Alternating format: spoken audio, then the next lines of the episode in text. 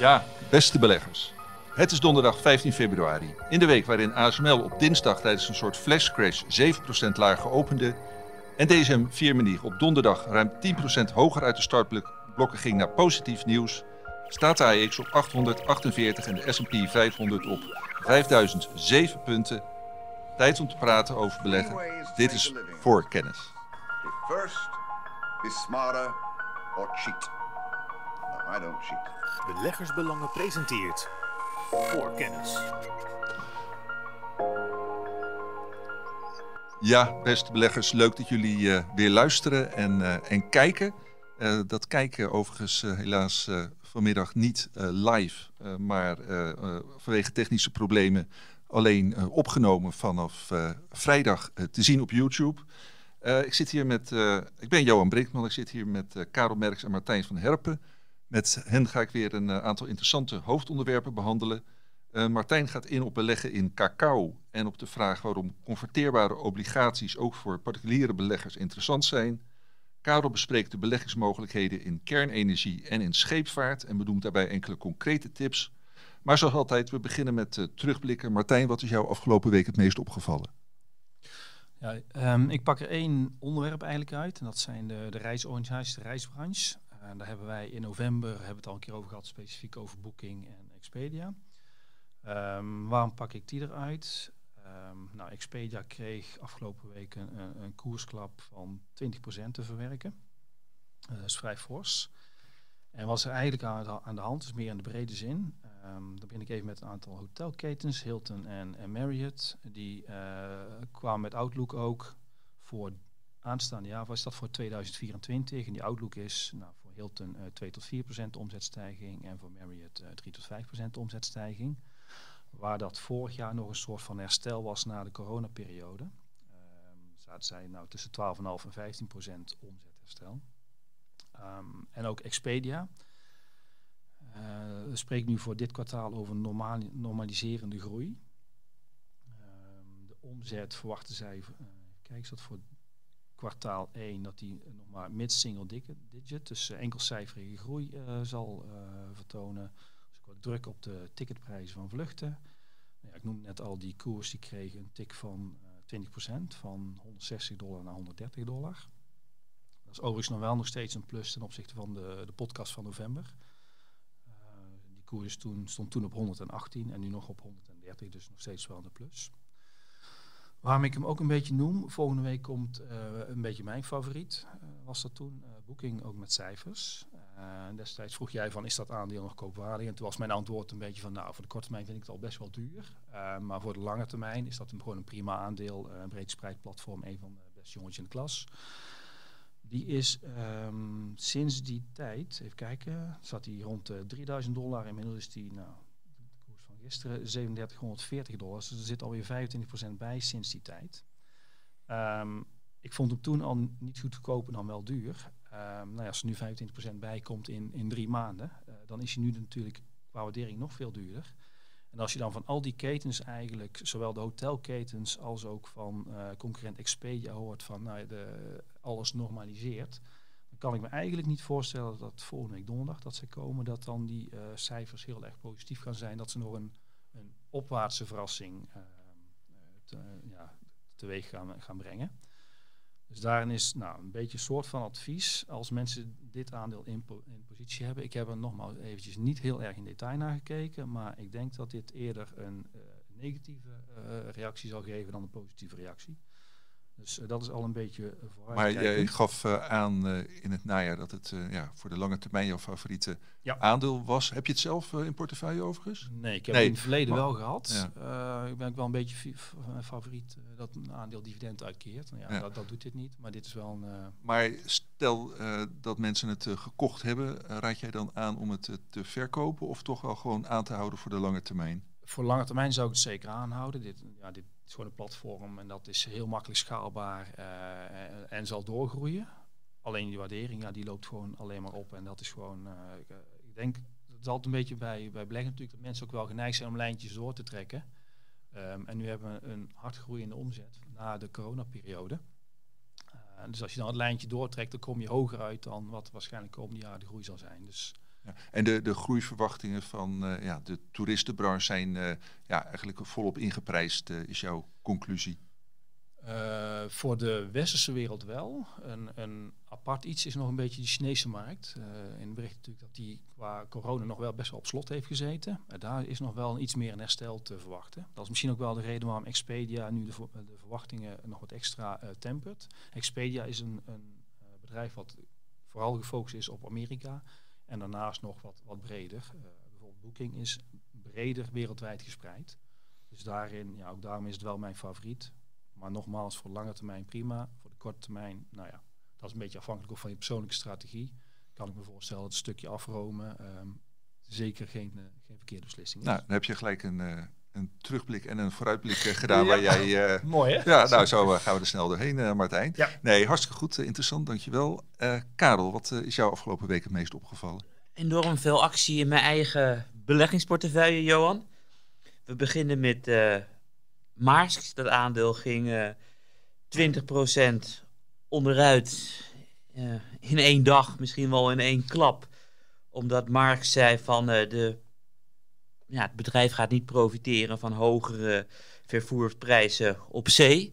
En ik heb nog nooit op één dag uh, zoveel geld met een individueel aandeel verloren. Dus we gaan verder in de podcast bij de scheepsvaartaandelen vertellen wat er nou gebeurd is en hoe ik tegen Maersk aankijk op dit moment. Maar we hadden nog veel meer actie uh, deze week. Ik heb ook de aandelen Rijnmetaal. Het is een van mijn grotere posities in mijn beleggingsportefeuille. Niet omdat ik het een grote weging heb gegeven, het al lange tijd veel beter presteert uh, dan andere aandelen. En Rijnmetaal had uh, de op één na beste paar dagen ooit, uh, afgelopen dagen. Nou, de beste periode ooit was vlak nadat Rusland Oekraïne binnenviel. En nu hadden we Trump die letterlijk zei: Rusland mag doen en laten wat het maar wil. Ik steun ze erin.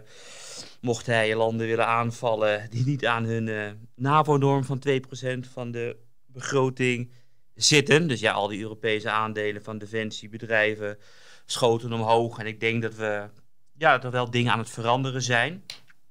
Want voor de opmerking van Trump, dus vorig jaar, haalden zeven van de 31 NAVO-landen de norm. Dus de meerderheid haalde het niet. Uh, Duitsland was gechoqueerd door de opmerking van Trump. En die zei een paar dagen geleden: we gaan gewoon zeker weten de norm halen dit jaar en vanaf uh, nu ook voor de toekomst. En de hoogste baas van de NAVO, Stoltenberg heet hij geloof ik, die zei van uh, in 2024 gaan uh, 18 landen gaan die norm halen. Dus enorme uitgaven naar defensie komen erbij. En Rijnmetaal zit inmiddels ruim 30% hoger eh, dan eind vorig jaar.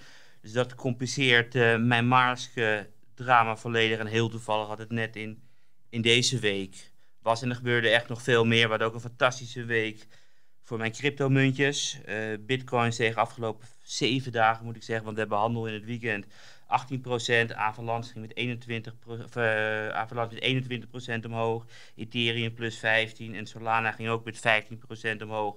Dus dat tikt ook lekker door. En los van de positieve koersbeweging en één negatieve, is er ook positief nieuws over de toekomst te melden. Menno en ik hebben het al regelmatig in deze podcast gehad dat we steeds enthousiaster aan het worden zijn over beleggen in Japan. Een paar maanden geleden was voor mij de trigger die zei, de toezichthouder in Japan zei, het kan niet zo langer dat Japanse aandelen zo goedkoop zijn. Beursgenoteerde bedrijven krijgen gewoon een opdracht. Je zorgt er maar voor dat de koers, de waardering van jullie aandeel hoger is dan minimaal één keer boeken. En als je dat niet voor elkaar krijgt, ga je van de beurs. Dat zet een enorm positief uh, nieuwstroom in gang. En afgelopen week werd bekend dat er in januari, dus vorige maand, uh, 900.000 meer beleggingsrekeningen zijn geopend in Japan dan in december. En dat komt door de Japanse overheid die heeft gezegd, ja, we willen beleggen stimuleren. Dus we hebben allemaal nieuwe fiscale voordelen geïntroduceerd. Dus we hebben ook steeds meer Japanners uh, die Japanse aandelen aan het kopen zijn. Dus uh, wat dat betreft gaan mijn Japanse aandelen, reageerden er niet op, maar ik denk wel dat dit nieuws is, waardoor de komende kwartalen heel erg goed zullen zijn. Ja, en de, de Nikkei ook uh, op weg naar een nieuwe all-time high. Uh, net zoals vorige week, dacht ik, of de week daarvoor de AIX. Klopt, alleen bij als we het hebben over de Nikkei, dan zeggen heel veel mensen van, ja, vanaf 89 is er geld verloren, want er is geen, want toen was de laatste all-time high. En we gaan op weg naar een nieuwe all-time high. Er heeft zoveel kanttekeningen. Waarvan de belangrijkste is dat op het moment dat je kijkt op een periode van 30 jaar, dan weegt dividend zoveel zwaarder mee dan koerswinst. Dat als we kijken naar de total return index, die tikt al jaren nieuwe all-time highs aan. Dus men zou zeggen, het gaat om het dividend. Maar inderdaad, eh, ze zijn onderweg eh, naar een nieuwste hoogste stand ooit voor de Nikkei. Ja, nou ja, dat eh, is toch inderdaad heel erg lang geleden. Ik denk dat misschien wij allemaal de aandelenmarkt nog niet zo goed volgden dat eh, die hoogste stand was. Dit is toch... Dat eh, was acht jaar oud. Dus, was eh, je acht jaar uit, ja. Nou ja, ik onderschat je niet, eh Karel. Nee, nee, dat jij ik ook bedoel, eh, Het eerste al, eh, wat ik me van die tijd herinner is dat we de, de enige keer was dat we Europees eh, kampioen zijn geworden met voetbal. eh, Ja, ja, een nou ja, dat- eerder dat- natuurlijk. Dat was inderdaad een andere all-time high voor het Nederlandse voetbal. Maar daar eh, Ja, is deze dat podcast herinner niet ik wel. voor. Ik ben Ja. pas vanaf 99 aan beleggen. Dus we zijn pas 24, 25 jaar eh, bezig. En daarnaast ook weer nieuwe dingen te melden betreffende energie. En dit heeft misschien ook wel van toepassing op eh, wat Martijn net zei over de reisbranche. Want de luchtvaart blijft maar nieuwe all-time highs berei- bereiken in de categorie maximaal aantal vluchten per dag. Dus 2023 eh, was al fantastisch voor de luchtvaart. Want toen waren er per dag 109.000 vluchten gemiddeld. Weet je, en dit jaar zitten we al op eh 118.000.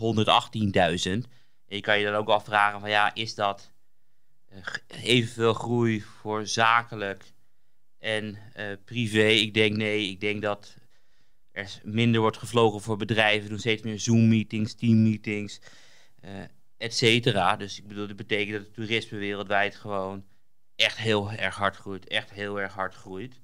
Je, dit is ook een van de redenen waarom nog steeds Chevron mijn grootste positie eh, is in mijn eh, privéportefeuille. En toevallig, de CEO van Total vat het heel mooi samen bij de kwartaalcijfers van eh, de piek. Hij zei letterlijk, de piek in het gebruik van eh, fossiele brandstoffen ligt zoveel verder in de toekomst dan daadwerkelijk eh, iedereen voorspelt. Het is een, ook nog een hele lange trend. En als allerlaatste is ook nieuws over mijn beleggingen in nikkel en lithium. Want deze week kwam ook het jaarlijkse energierapport uit van de Amerikaanse overheid, wat ik graag lees. En in dit rapport kijken ze wat de risico's zijn eh, betreffende de Amerikaanse energievoorziening. En hebben ze een matrixje gemaakt. Op de ene as, de horizontale as, hebben ze supply risk neergezet. Dus wat is het risico dat we er misschien te weinig van hebben. En op de verticale as staat dan belangrijk eh, betreffende energie. En er zijn maar twee metalen die gewoon helemaal rechtsboven staan. Dat is gewoon maximaal belangrijk voor energie en maximaal risico voor de supply chain. En dat zijn nikkel en lithium. En het is ook eigenlijk wel logisch, want als je gaat nadenken wat er de komende tien jaar gebeuren. Ik weet niet of ik het zei, maar dit rapport gaat over de periode 25 tot 35. Er moeten batterij, batterijmetalen, halfgeleiders, permanente magneten, lichtgewicht metalen en katalysatoren echt eh, flink, eh, zullen flinke groeisectoren zijn. Dus eh, wat dat betreft fijn dat de mensen die nadenken bij de Amerikaanse overheid eh, nikkel en lithium eh, als zo belangrijk klassificeren. Ja. Dat viel me eigenlijk op afgelopen week. En is dit een eh, openbaar rapport waarvan wij een link in de show notes kunnen zetten? Oh ja, ik zal het opschrijven dat, ik, dat we een, het, een link Ja. zetten. Ik weet niet of ik een pdf erin kan zetten, maar een link kan sowieso. Oké. Ja, is leuk. En pak gelijk even door als je wilt, Karel, met waar jij afgelopen week voor ons magazine mee bent bezig geweest. Ja, ik ben ook sinds kort eh, aandeelhouder van eh, bedrijven in Polen. En het leuke van... Wat, wat lach je, Martijn? Ja, mooi. Mooi. Classificatie. Ja, Polen. En, Grensbewaking. eh, Ja. Nee, nee, nee. Niet, niet in grensbewaking. Maar ik maak één keer per jaar maak ik een ranking van eh, alle koers-winstverhoudingen op de, op de hele wereld. En je hebt drie hekkensluiters. Je hebt Polen, je hebt Turkije en je hebt China.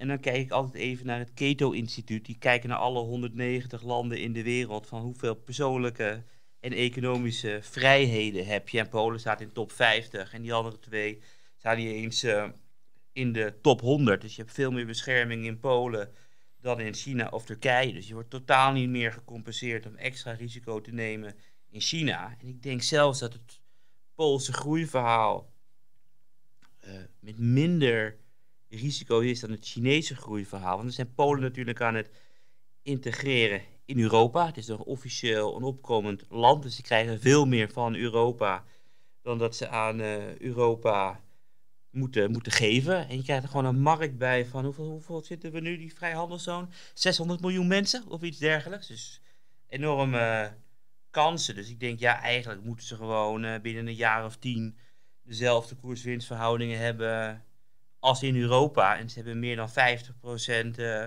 lagere koers-winstverhouding. Dus ze hebben nog een, eh, ja, ik denk dat op termijn van 10 jaar ze misschien 100% meer rendement gaan geven dan Europese aandelen. Dus dit is een hele kleine teaser, want in mijn verhaal schrijf ik nog veel meer dingen, maar deze wou ik er even uit eh. Dus pak de beleggersbelangen bij als je nog geen abonnee bent. Kijk naar het omslagverhaal van eh, afgelopen week. En om het te makkelijk te maken, zullen we de link in de show notes zetten. Maar wel met een, eh, met een hekje voor eh, mensen die eh, graag abonnees willen, willen worden. Eh, en eh, Martijn, ja, jij hebt eh, een week vakantie gehad, daardoor eh, eh, eh, niet heel erg veel geschreven voor het magazine van deze week, maar toch een niet onbelangrijke bijdrage in de vorm van een lezersvraag die jij beantwoord hebt. Kun je daar iets over zeggen? Oh, de, even kijken, je bedoelt Pets at Home Group. Ja, eh, daar. Zekers. Ja, ja Pets at Home Group hebben we, ik denk haast de vorige podcast, misschien nog Ja, een beetje podcast een maandje geleden of zo over de Ja. diervoeding. Ja, Ja. Nou, eigenlijk eh, er kwamen kwartaalcijfers uit. Ehm, even uit mijn hoofd, de omzet is van 3,5% omhoog. Eh, wat, wat tegenvallend was, omdat daar een beetje op, eh, ehm, dit, eh, nou, op langjarig eh, verwachting is 7% wel van het bedrijf zelf. Nou was dat wel een beetje vertekend doordat ehm, vorig jaar was een hoge vergelijkingsbasis. Kijk je twee jaar terug, dan was dat uit mijn hoofd 15,4% wat eh, de omzetgroei was eh, ten opzichte van twee, eh, twee jaar geleden. Dus dat was verder prima. Het bedrijf heeft een eh huisdierenartsengedeelte, wat ook gewoon met nou, meer dan 10%, iets van 12, 13% eh groeide. Dus dat was verder ook prima. Alleen in de accessoires, nou, even uit mijn hoofd, de, de halsbandjes, misschien wel de, de, de, de schoentjes, dat soort dingetjes. Eh, ik, ik, ik, heb, ik heb geen huisdieren, maar beg- begrijp ik goed dat schoenen aantrekken voor huisdieren een trend is? Ja, het is wel hip bij, bij honden. Ja, bij katten weet ik. Misschien bij katten ook wel. Ja, nou, daar vinden we wat van. Maar goed, het, eh, het wordt verkocht. Ik ben nieuwsgierig, hè? Ik, heb geen mening. eh. Ze staan je vast goed. nou, maar goed, even niet. Ja, je, je merkt gewoon een beetje ook het inflatieverhaal eh, uit daar zat. Dat zijn een beetje de eenmalige kosten. Eh, of, eh, hoe noem je dat? De discretionaire eh uitgaves. Uitgaves die mensen aan en uit kunnen zetten. Daar zat het even wat tegen.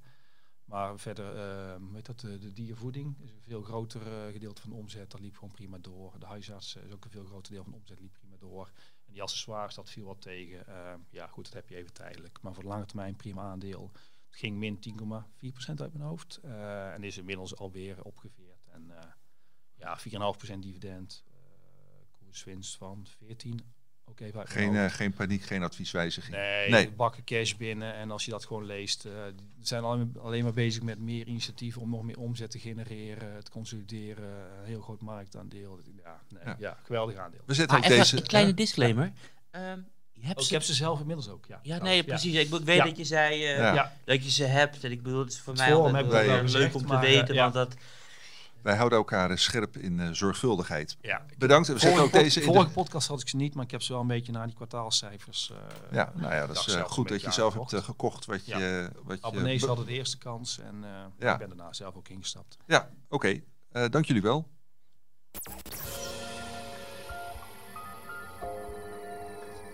Ja, gaan we naar het eh, eerste hoofdonderwerp. Ja. Eh, dat eh, gaat, is weer, eh, weer wat heel anders. Namelijk cacao, Martijn. Ja, ik was... eh, eh, Ja, we moeten, ja, ja. Ja. nee, praat door. Nee, ik had even het verkeerde muziekje ingedrukt. Dus het duurde even wat langer. Maar we zijn, je bent, je, de floor is now eh, for you. Ja, ik heb geen koptelefoon op. Nee, daarom. Dus, ja, te enthousiast.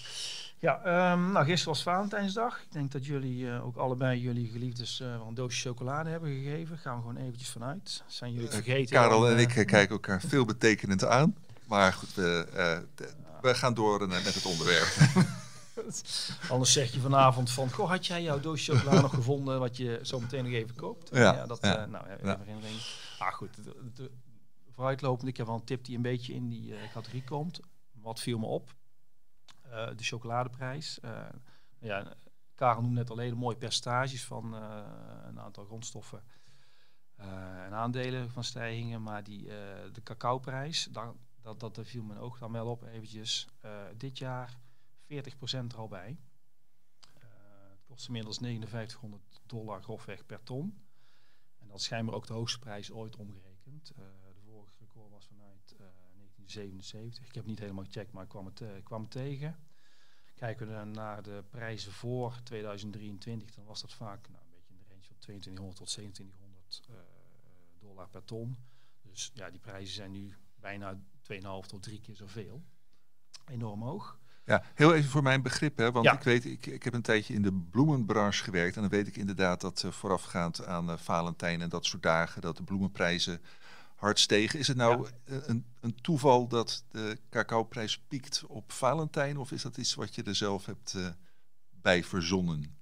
Dat is puur toeval. Dat is puur toeval. Nee, gewoon is, eh, eventjes, staat los van. Nee, ja, wat, er, wat er aan de hand is, eh, dat is wel goed even ook één, vertel ik een beetje over wat cacaobonen, hoe dat werkt. En twee, van wat kunnen we dan mee als belegger.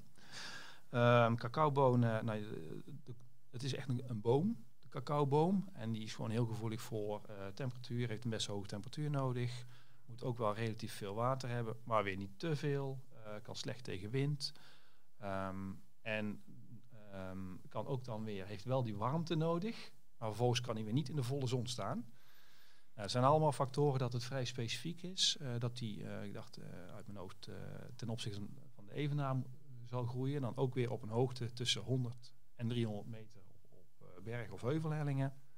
Dus alles bij elkaar is dat een hele specifieke eh, ja, groeiomstandigheden. Het is ook zo dat het ehm, de- vooral in West- West-Afrika ehm, geproduceerd wordt. Eh, wel een beetje in Azië. Ik zie hier Indonesië even staan, 13%. En dan heb je bijvoorbeeld in Zuid-Amerika, of wat is dat, Latijns-Amerika, Brazilië en Ecuador ook nog een beetje 11%. Maar je zit twee derde tot drie kwart, afhankelijk van de oogst, komt wel uit West-Afrika. Daar heb je eh, El Nino effect ehm, gehad. Betekent e- extremere eh, temperaturen, hoger, eh, ook grotere schommelingen in extreme neerslag dan wel droogte. En alles bij elkaar is daardoor die oogst is gewoon veel slechter. Ehm, door de extra vochtige omstandigheden ook nog wat extra, ehm, ja, vanuit Engels vertaald, schimmelinfecties. en ook knaagdieren hebben ze schijnbaar ook extra last van. Dus al met al is gewoon die productie is, eh, ja, die oogst is gewoon heel slecht. De afgelopen drie jaar was al, of de afgelopen twee jaar was al niet heel goed. En schijnbaar is dit jaar echt ook nog een jaar waardoor wat extreem slecht is. Waardoor die cacaoprijs nu omhoog schiet. Ja, ik let niet zo op, hè, maar mer- merken we dat nou eh, aan- aan de eh, prijs van de chocoladerepen in de winkel? Of, eh, Ik proef dat jij niet vaak eh, chocolaatjes koopt. nou ja, misschien let ik gewoon niet op de prijs, eh, Martijn. Nee, maar dat ik kan weet het ook niet. Ik weet heel niet veel is toch ook ehm, marketing. Dus in de Ja. zin van een van de bekendste merken van de afgelopen jaren is volgens mij Tony Chocoloni. Ja. Eh, en je betaalt daar echt heel erg veel voor. En je betaalt er ook heel veel voor omdat er Tony Chocoloni op staat en eh, voor het merk. En op het moment dat je een chocoladereep hebt wat 100% inkoopprijs is, dan, ver- dan verdubbelt het eh, natuurlijk. Maar op het Ja. moment dat je, ik verzin het echt ter plekke omdat ik nog nooit een chocola heb gekregen, 70% eh, marge is voor Tony Chocoloni. Dan hoeven de prijzen veel minder hard te stijgen om toch de volledige marge in stand te houden. Dus de brand is natuurlijk ook heel erg belangrijk. Wat, wat ik ervan gelezen heb, is dat eigenlijk die chocoladeprijzen in- het algemeen de afgelopen jaar die prijzen al wel door zijn brekend. Je kunt natuurlijk ook, nou weet Karel beter dan ik, eh future contracten zie je al dat die prijzen omhoog zijn gelopen. Wat ik ergens anders ook wel tegenkwam, is dat cacaoboeren uiteindelijk 12 tot 13 procent van de eh, totaal, als je het hebt over de chocolademarkt, die is nou een x aantal miljard groot. Ja. Maar wat werkelijk de, choc- de cacaoboeren daarvan krijgen is 12 à 13 procent. Orde van grootte. Dus ja, dan kan die prijs verdubbelen, maar dan is de totale prijs, de totale waardeverandering is dan op de totale ja, dus in de winkel merken we er 10%. niet eh, veel van. Ja, Nee. je merkt het wel. Je merkt ook dat prijzen wel door zijn gelopen, maar ja, ik, zou niet weten wat het precies is. Nee. Dat, En maar eh, hoe beleg je eigenlijk in eh, cacao? Ja, nou wat, wat ik daarop doe, ik, ik leg, beleg daar zelf niet in. Misschien dat Karel er nog iets meer over weet, over eh, weet dat backwardation, contango, eh, futures. Maar dat is totaal... Maar, maar welk instrument kun je ervoor eh, gebruiken? Ja, en dan doen we, maken we een stapje naar de tip die ik heb eh, voor deze week. Omdat ik natuurlijk ook aan het zoeken was en daar kwam daar een beetje op uit. Ehm, door die, mede door die hoge cacaoprijzen zijn, nou ja, als je het hebt over een beetje de chocolademakers en zo, zijn gedaald in prijs. Terwijl het wel relatief stabiele, voorspelbare groeiers zijn. Ehm, ja, mensen pakken gewoon chocola en zeker bij bepaalde momenten, zoals een Valentijnsdag, dan weet je eigenlijk bij voorbaat dat een groot gedeelte van mensen gaat even wat chocola halen. Dus eh, wat ik zelf heb gedaan, ik heb gezocht naar ehm, nou ja, mooie bedrijven, goede kwaliteitsbedrijven, waarvan de koers eigenlijk eh, gedaald is. En die koers is dan gedaald vanwege die hoge grondstofprijzen eigenlijk? Ja, dat is natuurlijk per bedrijf een beetje verschillend. Het is niet alleen eh, de cacao, suikerprijs, als je het hebt over chocoladefabrikanten bijvoorbeeld, de suikerprijs is volgens mij het afgelopen paar jaar ook verdubbeld. Kijk, Karel, heb jij het Zeker weten. Zeker We zitten nu op, eh, over, eh, ja. 26 cent per Amerikaans pond is de suikerprijs. Ja, dus, nee, dus dat is eh, ook een dingetje wat meespeelt. En natuurlijk hebben we gewoon andere inflatiekosten. Ehm, jouw vraag was eventjes Nou ja, de- hoe bedoel- beleg ik daarin? Ja. ik heb dus gewoon, nou is de tip voor volgende week. Ik heb een, een, een aandeel gevonden wat eigenlijk de afgelopen jaar gewoon gestaag door is gegroeid. Eh, dividend ook, nou, rond even af 9% eh, per jaar zo'n beetje heeft eh, verhoogd de afgelopen jaar. Zit nu op eh 2,8, 2,9% dividend uit mijn, uit mijn hoofd. En zal dat de komende jaren ook gewoon gaan verhogen. En omdat het een defensieve belegging is en door zal blijven groeien, verwacht ik ook dat de, de koers stijgt. Ik speel zelf dus even niet specifiek in op de cacaoprijs. Eh, Waar je wel zelf- ETF's op hebt, eh, neem ik aan. Ja, zeker. Ja, je hebt ja. bijvoorbeeld, eh, volgens mij is de bekendste Wisdom Tree. Ja. die Hebben, wij daar een actueel koopadvies op? Of hebben we überhaupt een, een actueel advies op de cacao? Het is sowieso geen eh, negatief advies. Nee. Ja, ja, ik had even van tevoren moeten opzoeken, heb ik Nou, niet gedaan. Hadden wij ook kunnen doen. Ja, dat, alleen als je er naartoe kijkt, een van de redenen om eh, grondstoffen op koop te zetten en vooral van de landbouwproducten, is dat het eh, profiteert, hoe dubbelzinnig het ook klinkt, van klimaatverandering. Want ik bedoel, ik zelf zit heel erg eh, in frozen orange juice. Het is net zo moeilijk als cacao. En het duurt drie, vier jaar eh, voordat een sinaasappel van de boom valt op het moment dat je een, eh, een boom plant. Ja, cacao ook 4, 5 jaar. Ja, dus je hebt enorme eh, ups en downs. En het risico is dat er steeds minder plekken op de wereld eh, beschikbaar zijn voor verbouw van cacao of sinaasappelbomen. En een van de redenen is dat Brazilië ook gezegd heeft van ik committeer me eraan om geen eh, tropisch regenwoud meer te kappen voor het verbouwen. Dus, dus, ik, dus de supply risk wordt steeds groter. Dus ik bedoel, ik kan me niet voorstellen dat op verkoop het staat of houden zijn ja. of kopen. En, nou ja, en- onze en abonnees eh, kunnen dat lezen Ja. in ons eh, eh, magazine. En, eh, Mag ik nog één toevoeging? ja, op? zeker. Want, want wat ik wel belangrijk vond is ook, eh, ik had ook even de koffiebonen eh, in mijn achterhoofd volgens mij staan. Vorig jaar is daar bijvoorbeeld een vorstperiode eh, in de Andes is dat altijd geweest zijn. Uit Latijns-Amerika geweest, waardoor gewoon bomen kapot zijn gegaan. Eh, ik heb niet de indruk dat bij de cacaobomen dat daar bomen kapot zijn gegaan. Dus ik denk oogst slecht is. Maar de bomen die gaan een jaar of 50 mee.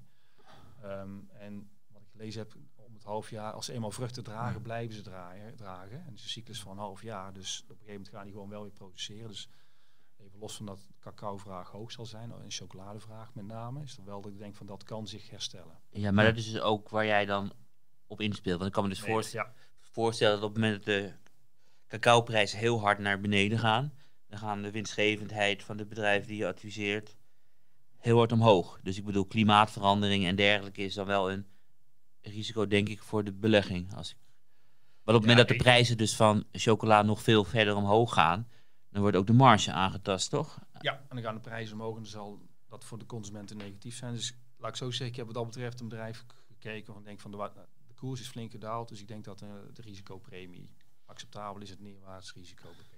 Ja. En het, eh, het opwaarts risico eh, aanwezig, anders Ja. dan eh, was het eh, geen tip volgende week. lange termijn, ja. Eh, geen Ja. tip volgende week in, eh, in beleggersbelangen voor, eh, voor onze abonnees. We gaan Ja. naar het volgende hoofdonderwerp. Voorkennis. Nou, nu wel het goede korte muziekje. Hartstikke goed, eh, Johan. Ik geef mezelf een schouderklopje. Eh, eh, Karel, nou, je kondigt min of meer al eh, aan. Je wilde het over eh, scheepvaartbedrijven hebben. Vertel. Klopt, we beginnen met Maersk. Je, die aandelen heb ik uitgebreid eh, behandeld in de allereerste podcast van dit jaar, nummer 142. En verteld eh, waarom ik dacht eh, dat dit een hele goede koop zou zijn eh, voor 2024. Mijn case was redelijk eh, eenvoudig uitlegbaar, laat ik het zo noemen. Want overal ter wereld eh, was naar aanleiding van de problemen in de Rode Zee eh, de prijzen voor het vervoer van vracht over zee gestegen. En ook op routes waar helemaal niks aan de hand was. Je zag ook bijvoorbeeld de prijs verdubbelen om een container te sturen van bijvoorbeeld Brazilië naar Europa.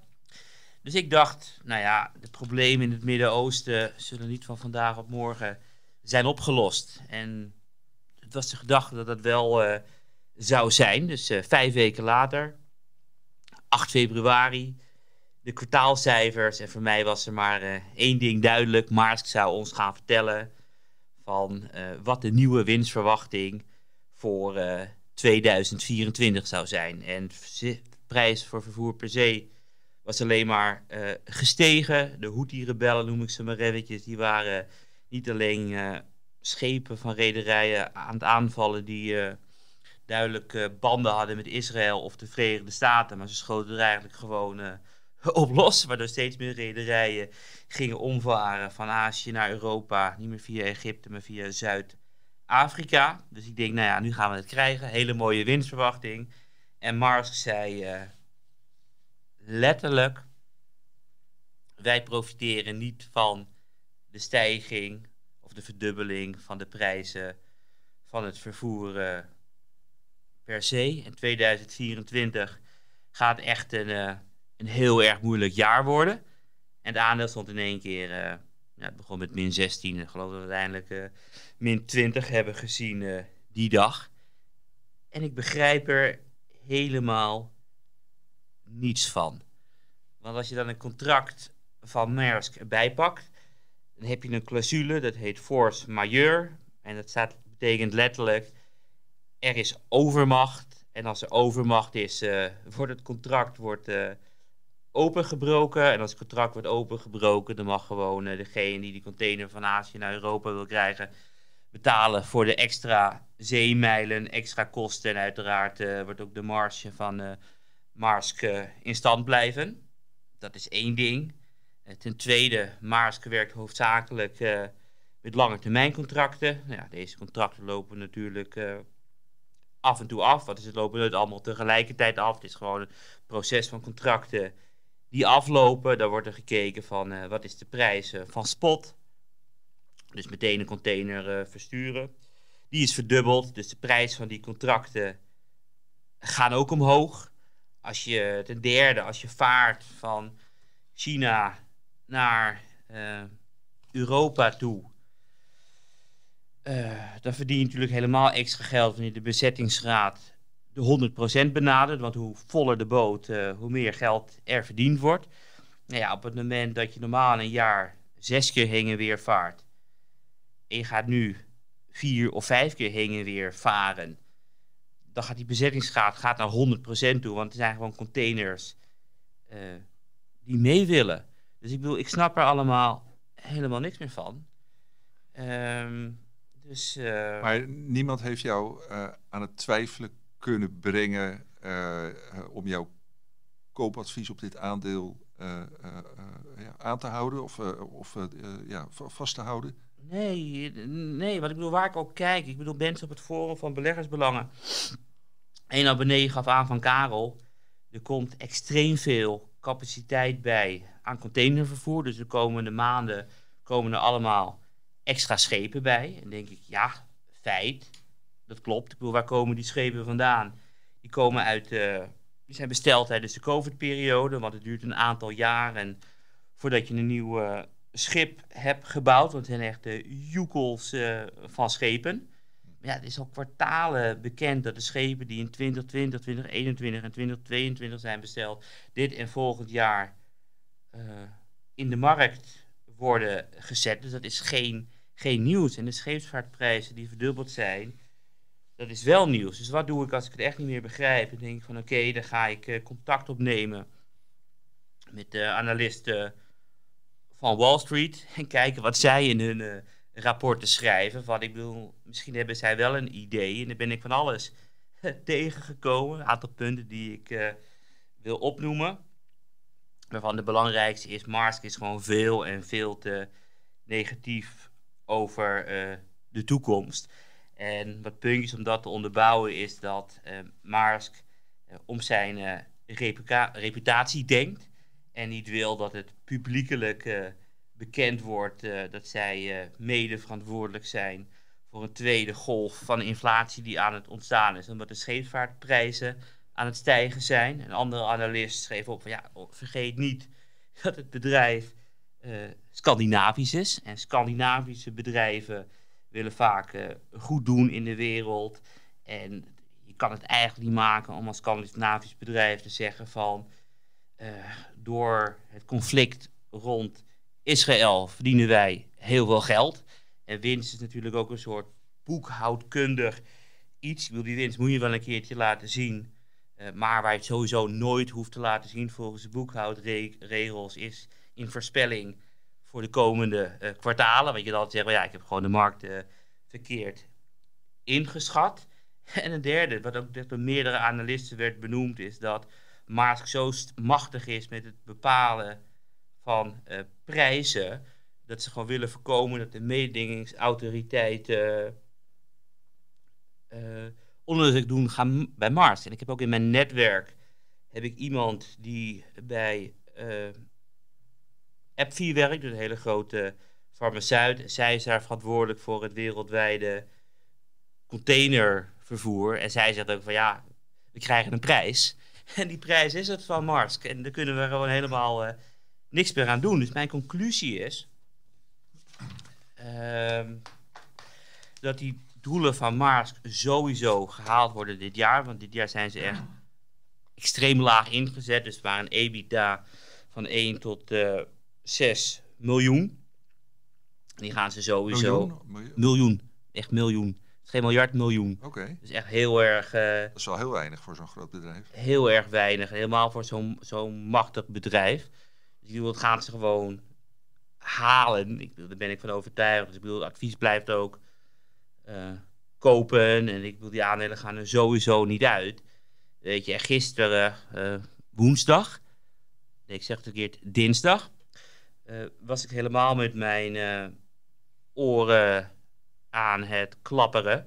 Want ik kreeg een persbureau, persbericht van Mars binnen, waarin stond van afgelopen zomer hebben wij de Hyundai 5000 Whitebeam vessel genaamd Z-Dream, gehuurd voor zeven maanden. Dit contract is afgelopen en we hebben dit schip, willen we langer, hebben we het nodig. Dus dat hebben voor de komende twee jaar verlengd. En toen dacht ik van ja, je zegt dat de markt dramatisch is, dat er overcapaciteit aankomt. Je huurt een schip voor zeven maanden en nu ga je het twee jaar lang verlengen. Dus ik bedoel, ze hebben die capaciteit, hebben ze gewoon. Dus ik dacht van, wat is dit? Ja. Ik ben verbaasd. We, we gaan het, uh, uh, het artikel over Marsk in uh, de show notes zetten, Karel. En dan kunnen abonnees daarop op verder Klopt, en lezen. je zei meerdere aandelen. Dus ik bedoel, we kunnen ook hebben meerdere aandelen behandelen. Ik ben er eigenlijk nog naar twee aan het kijken. Ik bedoel, Maersk vind ik heel erg fijn. Wat ik ervan overtuigd ben, dat de prijzen structureel hoger zullen zijn. En dat het Midden-Oosten nog wel even in, in vuur en vlam uh, zal blijven staan. En op het moment dat die lange termijn contracten worden doorgerold naar hogere prijzen, profiteert Maas daar enorm van, omdat ze vooral lange termijn contracten hebben. Volgens mij was het 70 lange termijn, 30% spot. Maar je hebt ook bedrijven die volledig van de spot afhankelijk zijn. En eentje daarvan is, uh, is Sim.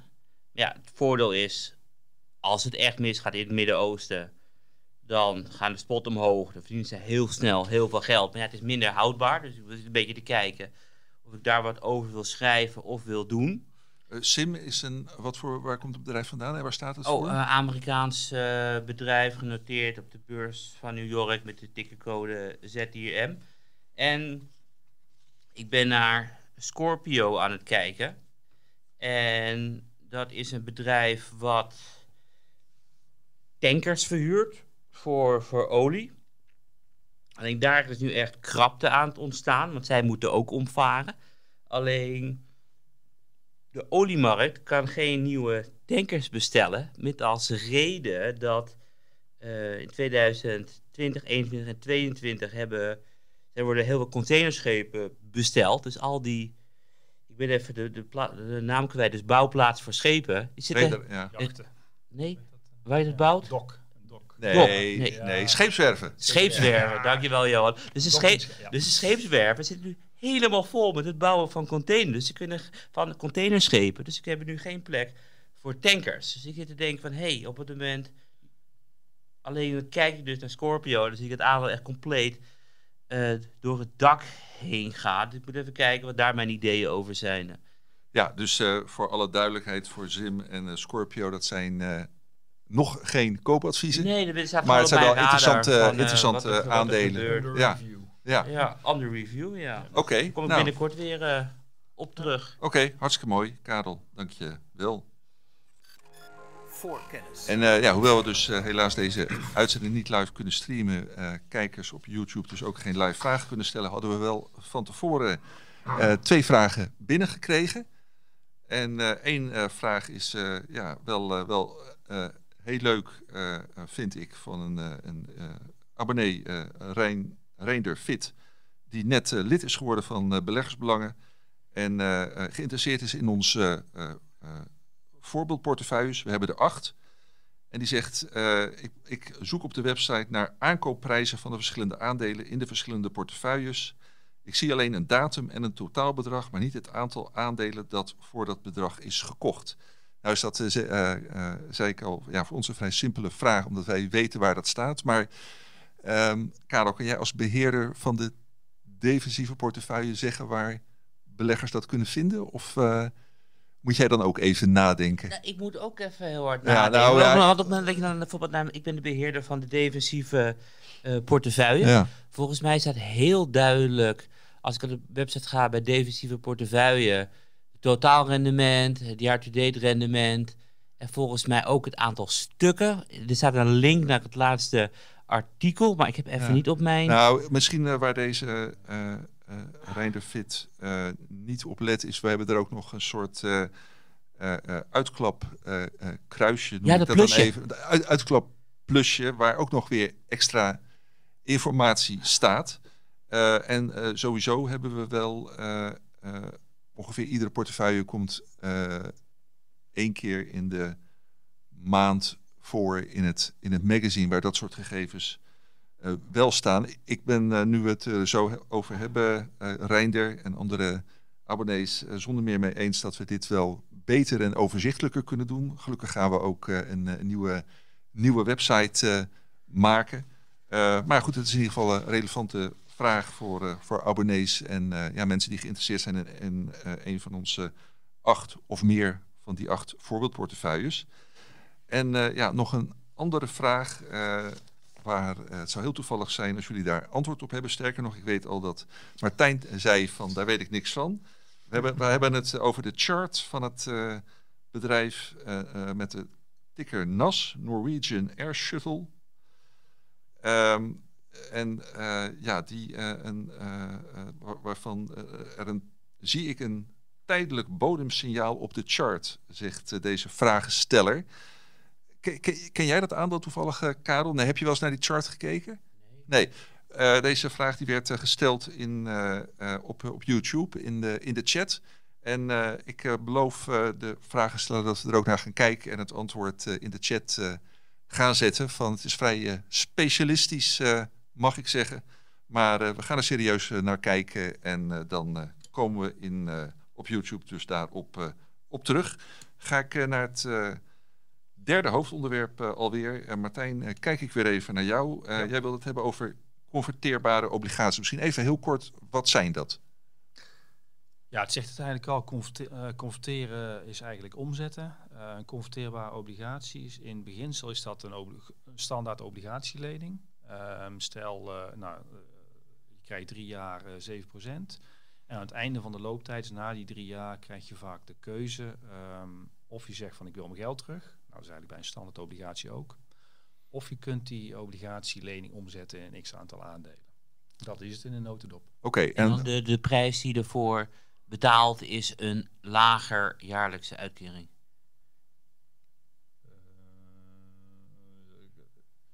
o- vanwege het feit dat dat ze converteerbaar Nee? zijn. Hoeft niet, nee. Ja, nee, er zijn er meerdere. Kijk, je hebt, Want, je ik, hebt- dacht- want ik dacht altijd Ja. dat het zo was dat op het moment dat je in aandelen kan worden uitbetaald, heb je dus een enorme upside.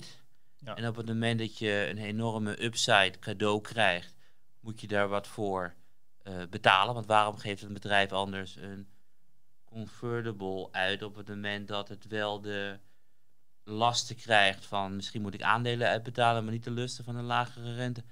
Nou, misschien moet ik dan even een sprongetje maken van wanneer, wanneer geeft een bedrijf een convertible uit. Ehm, waar ik mezelf van ken, even in de basis. Ehm, nou, misschien één stapje terug. Hoe kom ik erop om het hierover te hebben? Ik zag eh, misschien sommige eh, mensen ook wel eens ooit naar business class krijgen. En daar kwam toevallig een stukje over een, een huisdierenorganisatie, Pet Service, eh, kwam daar voorbij. En die gaf deze converteerbare obligatie uit. Of een obligatie. En die noemen hem, ze van, die geven drie jaar 7%. En dan na afloop kun je nog kiezen om om te zetten. Ehm, en ze zeggen ook van als je boven de, eh, op een prijs van 4,50 en als je dan daarboven zit, dan kun je in één keer eh, extra rendement maken door die aandelenkoers. Dus dan denk ik dat is interessant. Ehm, hij is vanaf 25.000 euro. Die obligatie is dan denk ik van gewoon voor veel, voor veel mensen is hij waarschijnlijk niet, niet interessant. Ehm, maar dan zie je wel meteen, dit bedrijf is een klein bedrijfje. 13,5 miljoen. Is net naar de beurs gegaan en dan is gewoon de vraag van ja, wat is, wat is dat waard als ik nu aandelen uitgeef? Ehm, krijg je überhaupt aandelen uitgegeven? En dat is lastig. En ik, eh, wat ik net al zei, van, ik ken het vooral ook van eh start-ups. Dan is ook die vraag van ja, wat is zo'n bedrijfje waard? Je hebt vaak wel omzet, misschien omzetgroei, geen winst. Eh, dus het is een beetje ja, natte vingerwerk. En dan is vaak dat om toch geld op te halen, krijg je een soort van onderhandeling. Dat nou, een investeerder zegt van nou, ik vind dit wel eh, een, eh, 10 euro per aandeel waard. Eh, en, en het bedrijf zelf zegt ja, maar ik vind het wel 30 waard. Ja, daar kom je niet uit.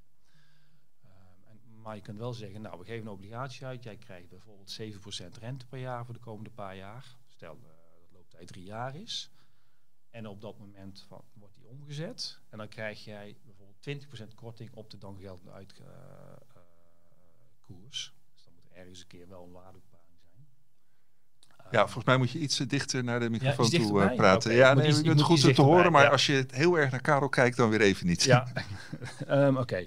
Dus ehm, waar wordt die voor gebruikt is vaak voor wat, wat onzekere toekomstige omstandigheden. En dan is zo'n convertible eh, interessant. Eh, voor bedrijven ook om, om uit te geven. En dat is dus ook voor beleggers dan een interessante mogelijkheid om te zeggen van ik kan met relatief weinig risico kan ik dan instappen in zo'n obligatie. Want als het bedrijf blijft bestaan, dat is natuurlijk wel even een voorwaarde, heb je gewoon standaard obligatie. Je krijgt dan die rente en mogelijk heb je ook nog een upswing. Maar bevalt het me niet, kan, kan ik eh, op het eind van de looptijd zeggen van ik wil gewoon mijn geld terug. Dus ehm, daarin is hij denk ik eh, interessant.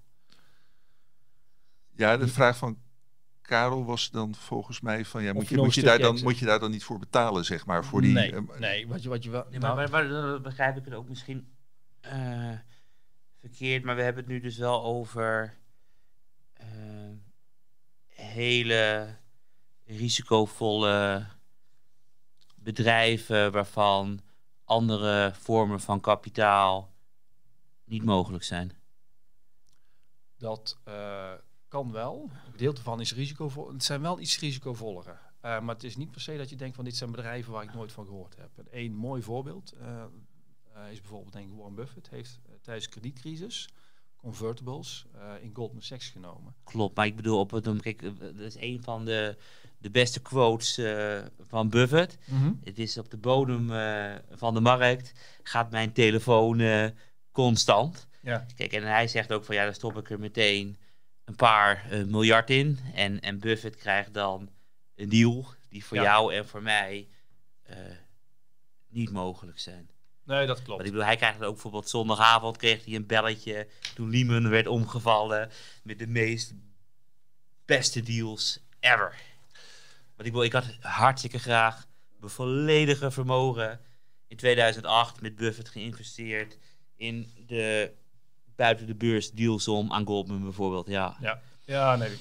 Nou, wat ik misschien, dat is even een stukje verduidelijking. Ehm, ik heb er wel, er zijn ook ETF's in, eh, of fondsen. Eh, ik, heb er een willekeurig gepakt. Dit is een ICS Convertible Bond ETF van ja, ICS BlackRock natuurlijk. Kijk, wat daar bijvoorbeeld in zit, eh, we hadden het net over de reisbranche. We weten allemaal, coronapandemie, cruiseschepen deden het niet goed. Kijk je nou wat de top holdings zijn in die ETF, dan zie je Royal Caribbean Cruises en Carnival Corp. Dat zijn twee rederijen waarvan natuurlijk de toekomst best onzeker was. Je zegt van ja, ik hoef jouw aandelen niet, want misschien ga jij nog wel drie keer aandelen uitgeven. Uh, maar ik wil jou best eventjes nu een uh, obligatielening verstrekken, dat je in ieder geval de komende drie, vier jaar vooruit kunt. En dat ik in de toekomst mogelijk tegen een hele gunstige koers uh, en goed rendement kan omzetten naar aandelen.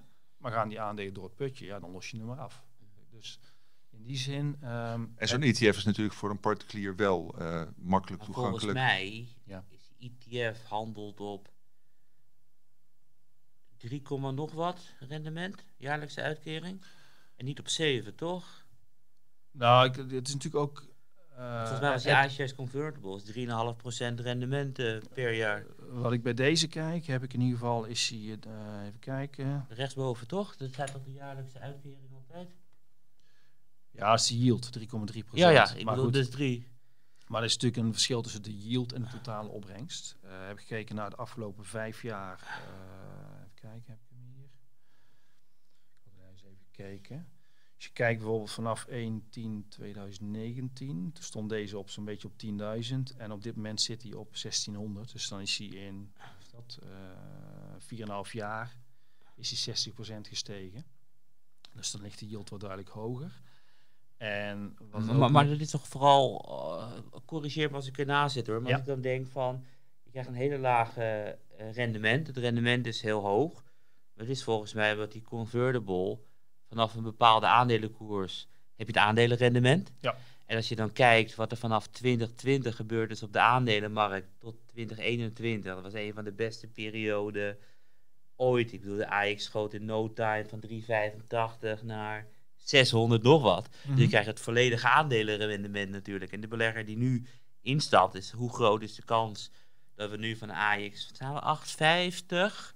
Orde van grootte. 850. Dat we gewoon uh, in één keer knallen naar uh, 1600 punten of 1500 punten om hetzelfde rendement weer te behalen. Ik bedoel, de jaarlijkse, Ja. de jaarlijkse yield van 3% die krijg je. Alleen de vraag is, krijg je ook de jaarlijkse koerswinst vanaf de huidige niveaus? Een goede vraag. Kijk, en dat is wel het verschil tussen een convertible en bijvoorbeeld een, een, een aandelenkoers. Wanneer zijn deze denk ik eh, ook interessant? Als je eh, verwacht dat de beurs heel sterk gaat stijgen, dan is het vaak wat minder interessant. Is, ehm, waar het wel interessant is, als bijvoorbeeld een beurs gaat dalen, als je verwacht van goh, de koersen, eh, koersen hard opgelopen, dan kun je natuurlijk wel zeggen, van, ik vind dit wat ehm, onzekerder. Ik vind het prima om nu nou 7%, misschien eens een keer 5%, een beetje afhankelijk van waar de uh, portefeuille uit samengesteld is. Maar stel je zegt van nou, ik vind het prima om nu de komende jaren, uh, komende drie jaar, uh, 7% per jaar te pakken. En eventueel via een extra mogelijkheid om te converteren, nog wat extra. Dan weet je gewoon van relatief stabiel rendement. Okay, maar kan je in, in, in het grafiekje ook zien, want ik zie niet vanaf hier hoe bijvoorbeeld ja. 2022 was. Want dat was een heel naar jaar beursjaar natuurlijk. Ja, ik moet dan ook even lijntjes trekken. Ik heb... Ja, ja. Direct ongeveer. Kijk, het was een, ja, een beetje een gokje. En dit, dit. Nou, ik gok deze. Ja, min 7%. Gok ik even. De orde van grootte. Oké, okay, je bent een procent of 7 ben je kwijt als de beurs 20% naar beneden gaat. Ja, ik heb wel een paar staatjes uh, erbij gehad en dan zit ik echt even in die, uh, in die ETF. Wat je bijvoorbeeld ziet, nou 2020 was er uh, een daling op de, even kijken, dat is een beetje de coronapandemie, ging die ook wel degelijk 25% omho- omlaag. Okay. Vanaf maart 2020 tot... Dus dat is eigenlijk net zoveel als, als, als aandelen, want volgens mij herinner ik me de AX min ja. 30 ging in twee weken tijd. Ja, maar wat je bijvoorbeeld wel hebt, is dat hij daarna eh, vanaf maart tot februari 2021, eh, maart 2020 tot februari 2021 kwam er 125% bij. Ja, ja, natuurlijk al die convertibles gaan natuurlijk eh, volledig over naar aandelenrendementen. Dus op het moment dat je verdient het meeste geld op het moment dat de beurs omhoog knalt. Ja. Ik zit ook een beetje omwille van de tijd even te kijken wa- wanneer, dan noteer, eh, noem ik eventjes in ieder geval waarom zijn ze mogelijk interessant. Kijk, ehm, eh, die iShares Convertible ETF, die noemt zelf ook al eventjes. Het kan een eh, attractive diversification, aantrekkelijke diversificatie zijn in het algemeen. En omdat een, ook omdat een lage correlatie heeft met traditionele obligaties, omdat je extra rendement ook kunt pakken. Ehm, dus dat, ja, dat is denk ik een van de, de belangrijkste dingetjes ook. De, het is een, denk ik een aanvulling op je totale eh, portefeuille. Ja, nou, ik vind het heel interessant. En ik, ja, ik denk ook eh, van volgens mij hebben wij eh, nu op dit moment geen concrete posities in deze producten die we aanraden. Maar is wel iets om de komende tijd is, is naar te kijken of we die kunnen vinden en daadwerkelijk kunnen, kunnen tippen. Lijkt mij. Hebben wij nog de tijd dat ik er even die, dat specifieke product, even dat... eh, kijk even, De, je, je, je hebt, even- even het over de iShares? eh? Nee, over die, die specifiek converteerbare obligatie. Eh, hebben we daar nog tijd voor? Ja, Kort, als jij in, twee minuten even daar iets over Kort Nou, wat- wat- wil wat zeggen. even- maar la- laten we in ieder geval ook die ETF waar je Ja. over vertelde, de link naar die ehm, pagina in de show notes zetten. Dan kunnen beleggers daar ook eh, naar kijken. Ja, wel even nadrukkelijk van, goh, dit is één van eh, de ETF's. ja, maar het is gewoon een illustratie van wat, hoe zo'n product eruit ziet. illustratie. Ja. Even kijken, wat ik van deze specifieke, eh, ja, nogmaals, is van Pet Service Holding. Wat me even snel, een paar dingetjes die me opvallen. Einddatum 31-12-2026, dan zou die converteren. Ik vind dat een interessante datum, omdat op, vanaf 1 januari 2027 gaan we een ander belastingregime krijgen. Dus als je nog net op eh, eind 2026 converteert, dan betaal je gewoon 2% over het totale vermogen. Ehm, zou je na 2027 converteren en je hebt dan één keer bij spreken een verdubbeling, dan betaal je gewoon ja, eh, eh, dat, waarschijnlijk eh, 35% of zo aan belasting in plaats van nou ja, de 2% over je vermogen. Dus dat vind ik gewoon even zelf altijd bij converteerbare dingetjes, als je het hebt over individuele producten, op dit moment wel een interessante. Om die belastingdatum in de gaten te houden. Ehm, even snel een beetje doorheen. Wat, wat wel een risico is. Kijk, in, in dit geval was het een hele fijne, vond ik, omdat eh, het bedrijfje eh Pet Service Holding is beursgenoteerd. Dan denk je, oké, ik kan converteren en ik kan daarna makkelijk van mijn aandelen af. Dat was ook wel wat me, wat me interessant leek. Kijk alleen op dit moment naar het volume. De laatste keer dat erin gehandeld is in dit bedrijfje, dat was eh 7 februari. Dus, dus als je denkt van ik kan hier makkelijk vanaf, Dan is eh, dat eh, wel een valkuil. Zijn ja, Ja. het is ook 13,5 miljoen uh, marktkapitalisatie. Het is maar een klein bedrijfje. Eh, let op eh, dat je er niet zomaar vanaf kan. En als heel veel mensen converteren en dan ook nog met z'n allen willen verkopen, let even op. Dan, Dan, eh, kan die, dan gaat het zomaar niet. die koers maar, ja, of hij klapt helemaal in. Ja. Dus dat is wel even een aandachtspuntje. Ehm, ja, ik denk dat dat eventjes gewoon twee dingen zijn die mij even opvielen. Nou ja, die, eh, En, en, en wat is jouw mening Ja. op het moment dat eh, bedrijven geld betalen aan Harry Mens om in de uitzending te zitten, om hun eigen product te promoten. Dus je wordt niet uitgenodigd omdat je wat interessants te hebben hebt. Je wordt uitgenodigd omdat jij zegt, ik wil deze week en ik betaal geld. Eh, ik denk dat het businessmodel is en ja, iedereen doet aan reclame, doen wij ook wel eens ooit. Dus daar vind, dat, daar vind ik niets van. Wat wel een goede, inderdaad toevallig dat je nu Harry Mens noemt. Ik las ook nog wel eventjes, eh, ik kwam toevallig, kreeg wel ook een mail, ma- mailtje van eh, Geert Schaai, die product aan, eh aanprees. Maar de, een van de grote aandeelhouders is wel Schaai Capital, of hoe heet het? Dat viel me toevallig Ja. even op. Dus ehm, Eh, ja, eh, persoonlijk word ik hier als hoofdredacteur en, en niet heel erg blij van, moet ik zeggen. Tenminste, wel Nee. van jouw bijdrage, maar niet. ik, ik, ik wil dat zeker niet als aanbeveling nee, voor nee. dit eh, product te zien, ook gezien eh, de risico's die je zelf eh, noemt. ja, dus dat. maar maar, de- maar de- neemt niet weg dat ja, de, de, de, de productcategorie en verschillende manieren, bijvoorbeeld via een ETF, om Ja. daarin te beleggen, natuurlijk wel het overwegen waard kunnen zijn. En ja, dat we, dat we daar ook actief op zoek kunnen gaan naar concrete tips. Ja, en dat is ook nadrukkelijk het doel en een beetje uitleg van wat is het nou eigenlijk. En eh, Ja. dat het eigenlijk niet een heel angstig product is, maar je moet je wel even verdiepen. Ja, ja. oké, dankjewel. Oké. Voorkennis. Nou, dan eh, eh, het laatste hoofdonderwerp alweer. Eh, kernenergie.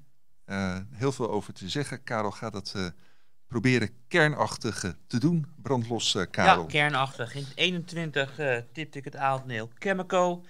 Een van de grootste, misschien wel de grootste uraniumproducent op de wereld. Ik heb zelf heb ik het aandeel toen de tijd eh, nooit gekocht. Omdat ik vond dat de oliemajors zo goedkoop waren dat ik liever daar mijn geld naartoe bracht. En toen begon een enorme rit van 20 naar 25, naar 30, naar 35.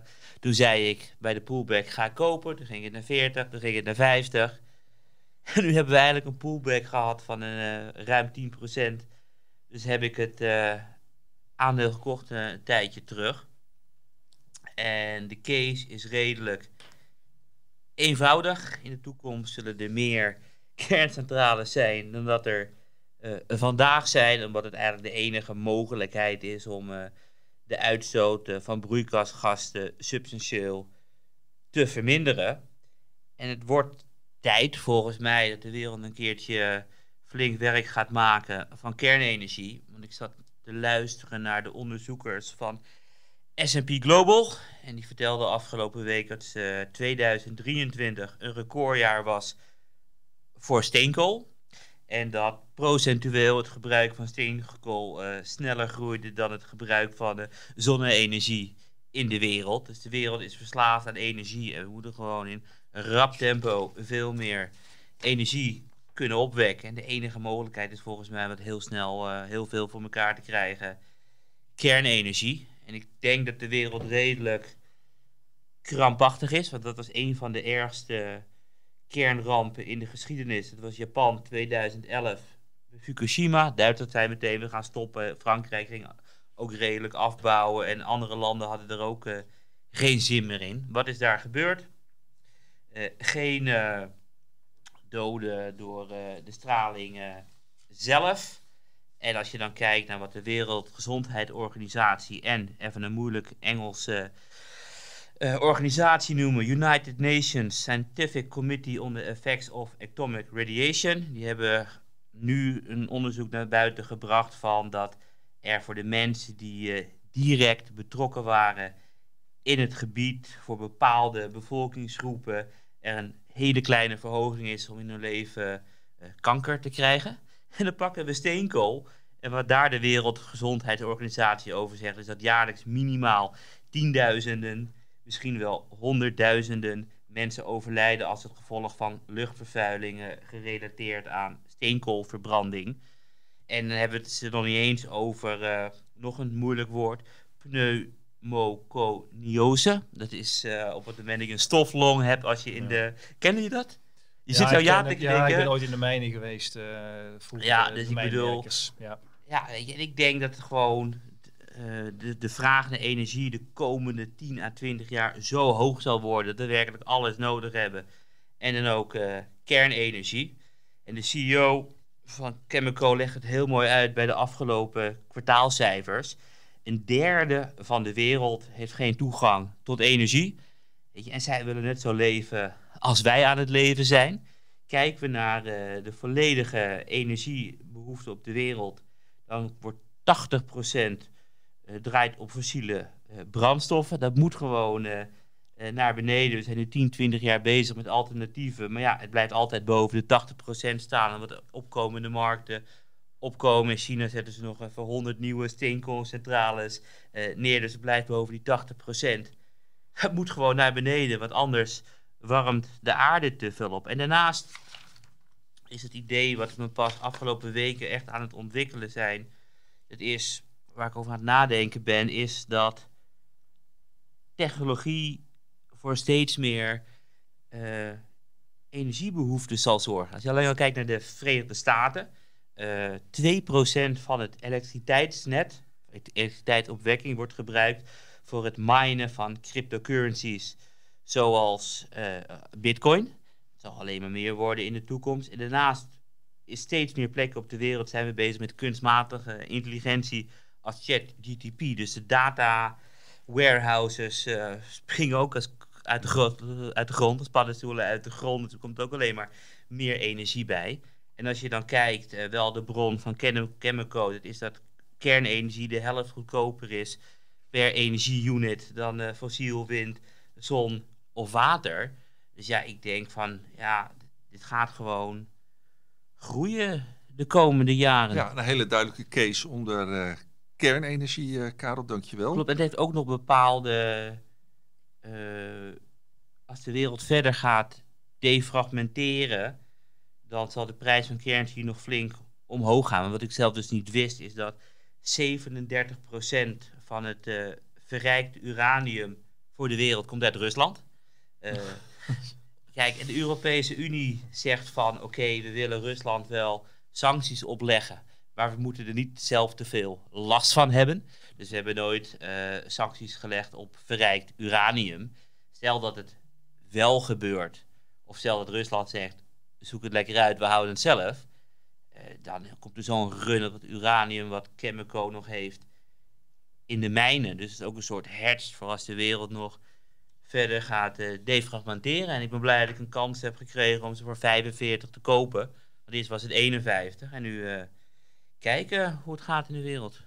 Ja, oké. Hartstikke interessant. En uh, dankzij jou in alle opzichten kernachtig betoog zijn we nu aan het einde van deze weer heel interessante podcast gekomen. Karel, zeg nog meteen eventjes waar je extra naar vooruit kijkt komende week. Ja, wat me heel erg opvalt is dat de break-evens weer beginnen op te lopen en hard ook. En een break-even is het verschil tussen uh, de obligaties, normaal noem ik ze maar eventjes, en de ob obligaties met inflatiecorrecties. En het verschil tussen die twee is dan de verwachte inflatie voor het komende jaar. En een half jaar geleden was de verwachting dat de komende 12 maanden de inflatie op 1,2% zal uitkomen. Drie maanden geleden was het 2,0. 30 dagen geleden was het 2,4 en nu is het al 3,5 uh, procent. Dus overal beginnen de inflatie-pressures, uh, om het maar even in het Engels te houden, op te lopen. Dus ik ben heel nieuwsgierig waar dat uh, naartoe gaat. Uiteraard is het ook het kwartaalcijfer seizoen, dus ik hoop nog uh, heel veel nieuws te krijgen van bedrijven die ik volg, zodat ik meer op de hoogte ben en betere beleggingsbeslissingen kan nemen. Oké, okay, dank je. Martijn, jij kijkt naar, naar Booking, uh, neem ik aan? Ja, Booking heb ik staan. En ik, ja, ik heb de retailers in de portefeuille. Dus Walmart komt, uh, Home Depot komt. En uh, Coca-Cola, CCP komt ook nog met cijfers. Dus dat zijn voor mij even belangrijk. Belangrijke bedrijven die met cijfers komen. Oké, okay, ja. dank jullie wel Martijn en, en Karel. bedankt voor het luisteren en, en voor het kijken, beste beleggers. Um, ik ga nog eventjes zeggen dat we volgende week een speciale uitzending hebben gewijd aan Nederlandse aandelen. Dan doe ik dat samen met Michiel Pekelharing en Jeff Thijssen. Heeft u al vragen voor een van beide heren, dus over Nederlandse aandelen? Mail dan naar voorkennis.beleggersbelangen.nl. En nou, we gaan, ga ik ervan uit die aflevering ook alweer live op YouTube zetten. Dus hou ook de aankondiging daarvan in de gaten. Is in ieder geval op 29 februari, nee, 22 eh, februari om 4 uur zit ik met Michiel en Jeff hier klaar. Nogmaals dank Martijn, Karel en we gaan afsluiten.